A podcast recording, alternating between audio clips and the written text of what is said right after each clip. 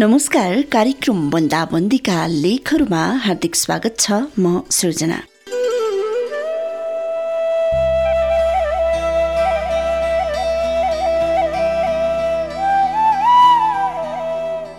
दिनदिनै corona virus अर्थात् covid उन्नाइसबाट सङ्क्रमित हुनेहरूको सङ्ख्या बढ्दै गइरहेको छ। दिनहु चार सय भन्दा बढीको सङ्ख्यामा सङ्क्रमितहरू थपिँदै गएका छन्। अत्यासपूर्ण लागिरहेको छ कोरोना भाइरसको फैलावट। त्यसै गरी छ भन्दा बढी संक्रमितहरू पुगिसकेका छन् भने मृत्यु हुनेको संख्यामा पनि वृद्धि भइरहेको छ। दुईजना हुँदा लकडाउन गरेर घरभित्रै बसेका हामी अहिले छ हजार भन्दा बढीको संख्यामा कोरोना संक्रमितहरू रहे पनि यति बेला भने लकडाउन खुकुलो भएको छ। भित्र बस्दा बस्दा अल्छी मानेका हाम्रा खुट्टाहरू हाम्रा पाइलाहरू यति बेला बाहिर निस्कन थालेका छन्। बाहिर निस्कन थालेसँगै केही मात्रामा हामीले अप्नाउने सुरक्षात्मक गतिविधिहरू भने घटेको हो कि भन्ने अनुभव पनि भइरहेको छ।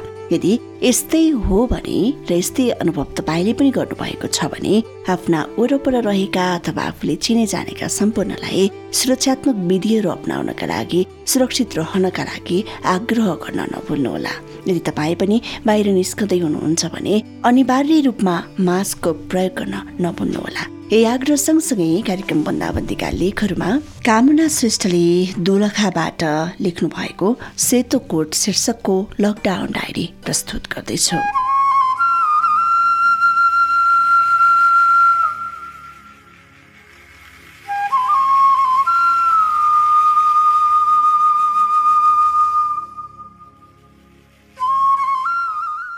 जुन सम्मान सेतो कोट लगाउने मानिसले पाइरहेको हुन्छ त्यो सम्मान सबै मानिसले पाउन सक्दैन।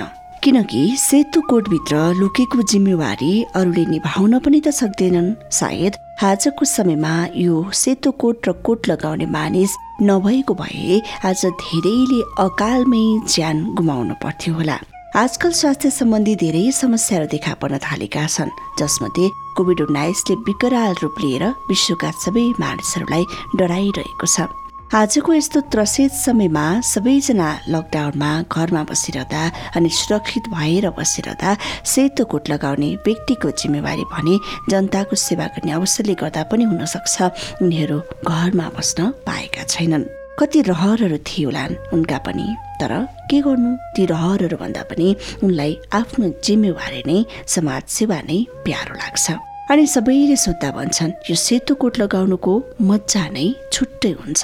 आजको आधुनिक युगमा धेरै प्रविधिको प्रयोगले गर्दा मानिस व्यस्त बनेका छन् र त्यसले गर्दा कम समयमा तयार हुने खाना अनि जङ्क फुडहरू खाने गर्छन् जसले गर्दा मानिसको स्वास्थ्य जीवनशैलीमा असर पुर्याउँछ र रोगी बन्न पुग्छन्। यस्तो अवस्थामा शिक्षाको ज्योति छर्न होस् या स्वास्थ्य नै धन हो भनेर चिनाउनका लागि होस् सेतो कोट लगाउने मानिस सधैँ तम तयार रहन्छन्। सेतो कोटले मनभित्रको आँसुलाई लुकाएर बाहिर जहिले पनि मुस्कुराइरहन्छन्। कयौँ रात अनिदो बसेर होस् या दिनभरि भोको पेट बसेर भए पनि दिनरात बिरामीको उपचारमा संलग्न भइरहन्छन्। त्यसैले त होला सेतो कोटमाथि गरिने जति विश्वास र भरोसा अरूमा गर्न सकिँदैन। कुनै समय एकैछिन उभिँदा पनि दुख्ने खुट्टाहरू बाह्र घन्टा उभिएर ड्युटी गर्दा पनि दुख्दैनन् जब सेतो कोट लगाइन्छ। जसरी गौतम बुद्ध अरू मानिसले गाली गर्दा शान्त स्वभाव देखाएर अरूको रिसलाई पनि शान्त पारिदिन्थे त्यसरी नै जब बिरामीको कुरुवाले यो भएन त्यो भएन भनेर गाली गरिरहन्छन् त्यति बेला पनि नरिसाइकन शान्त भएर सम्झाउन मन लगाउने रहेछ यो सेतुकोटले थाहा छैन के जादु छ यो कोटमा तर त्यो लगाएपछि आफू आफू नै नहुने। कुनै चाडपर्व आउँदा पनि चाडपर्व मनाउन नपाउँदाको दुःख भन्दा पनि बिरामीको उपचारमा सफलता पाउनुको खुसी नै ठुलो हुने। अनि आफ्नो दुखाइ दुःख र पीडा भन्दा पनि बिरामीको दुखाइ र पीडालाई नजिकबाट निहालेर के गर्दा कम हुन्छ भनेर अनेक उपाय अप्नाउनतिर लाग्ने। त्यो सेतो कोट पहिरेका व्यक्तिहरू अहिलेको कोभिड उन्नाइस सङ्क्रमणलाई पनि कसरी हटाउन सकिन्छ कसरी बच्न र बचाउन सकिन्छ भनेर यसको विरुद्धमा धेरै कदमहरू चाल्न र हर तरहले प्रयत्न गरिरहन पनि यो सेतो कोट प्रेरणा बनेको छ। त्यसैले त होला अहिले स्वास्थ्य कर्मीलाई घरभन्दा अस्पताल प्यारो र परिवारभन्दा बिरामी नै प्यारो लागेको छ। आजका स्वास्थ्य कर्मीहरू कोभिड उन्नाइसबाट संक्रमित व्यक्तिहरूलाई उपचारमा हर तरहले पर्सनल प्रोटेक्टिभ इक्विपमेन्टको प्रयोग गरेर लागि परेका छन्। एसियाका तारा भनेर चिनिने गौतम बुद्ध यत्तिकै चिनिएका होइनन्। जसको लागि उनले आफ्नो सर्वस्वसहित परिवारलाई छाड्नु पर्यो। त्यसै गरी फ्लोरेन्स नाइटिङ्गल जसलाई the lady with the lamp उपनामले चिन्ने गरिन्छ उनले पनि यो उपनाम यत्तिकै पाएकी त होइनन्। जसको लागि उनले पनि बिना कुनै स्वार्थ दिनरात विश्वयुद्धमा घाइते भएका मानिसहरूको उपचारको निमित्त बत्ती नहुँदा पनि टुकी बालेर उपचार गरेकी थिइन्। यो धारणबाट प्रष्ट हुन्छ कि दुःखपछि मात्रै सुखको अनुभूति गर्न पाइन्छ भनेर। अहिलेको समयमा कोभिड उन्नाइस महामारीले गर्दा यो सेतु कोटले पनि धेरै दुःख खेप्नु परेको छ। न त घर परिवार नै भन्न पाएका छन् न त साथीभाइ नै। त्यसैले यो सेतो कोटले हामीलाई पनि नातिन अनुरोध गर्दै सबैजना मिलेर यस्ता कोभिड उन्नाइस जस्ता महामारीलाई न्यूनीकरण र नियन्त्रण गर्न जहिले पनि प्रेरणामूलक सन्देश दिइरहन्छ।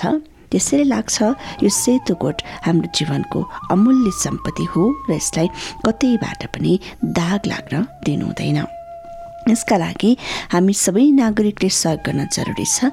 त्यसैले यो लकडाउन अवधिभित्र अत्यन्तै जरुरी काम बाहेक जथाभावी बाहिर जाने काम नगरेर सानो सहयोग गरौँ।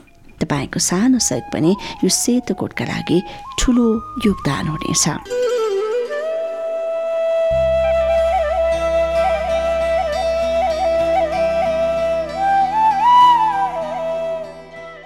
दोलखाबाट कामना श्रेष्ठले लेख्नु भएको सेतोकोट शीर्षकको लकडाउन डायरी आजको कार्यक्रममा प्रस्तुत गरे श्रोता मित्र। आजलाई पनि बन्दाबन्दीका लेखहरू यति नै। भोलि फेरि समयमा अर्को एउटा बन्दाबन्दीका लेखको साथमा उपस्थित हुनेछु। यदि तपाईँ पनि लेख्न मन पराउनुहुन्छ भने तपाईँले लेखेर आफ्ना लकडाउन डायरीहरूलाई आफ्ना मनका भावनाहरूलाई लेखेर कालिन्चुक एफएमको फेसबुक पेजमा म्यासेज गरिदिन सक्नुहुन्छ। तपाईँका लेखहरूलाई हामी कार्यक्रम बन्दाबन्दीका लेखहरूमा प्रसारण गर्नेछौँ। आजलाई भने बन्दाबन्दीका लेखहरू यति नै। भोलि फेरि यस समयमा अर्को एउटा लेखको साथमा उपस्थित हुनेछु। नमस्कार।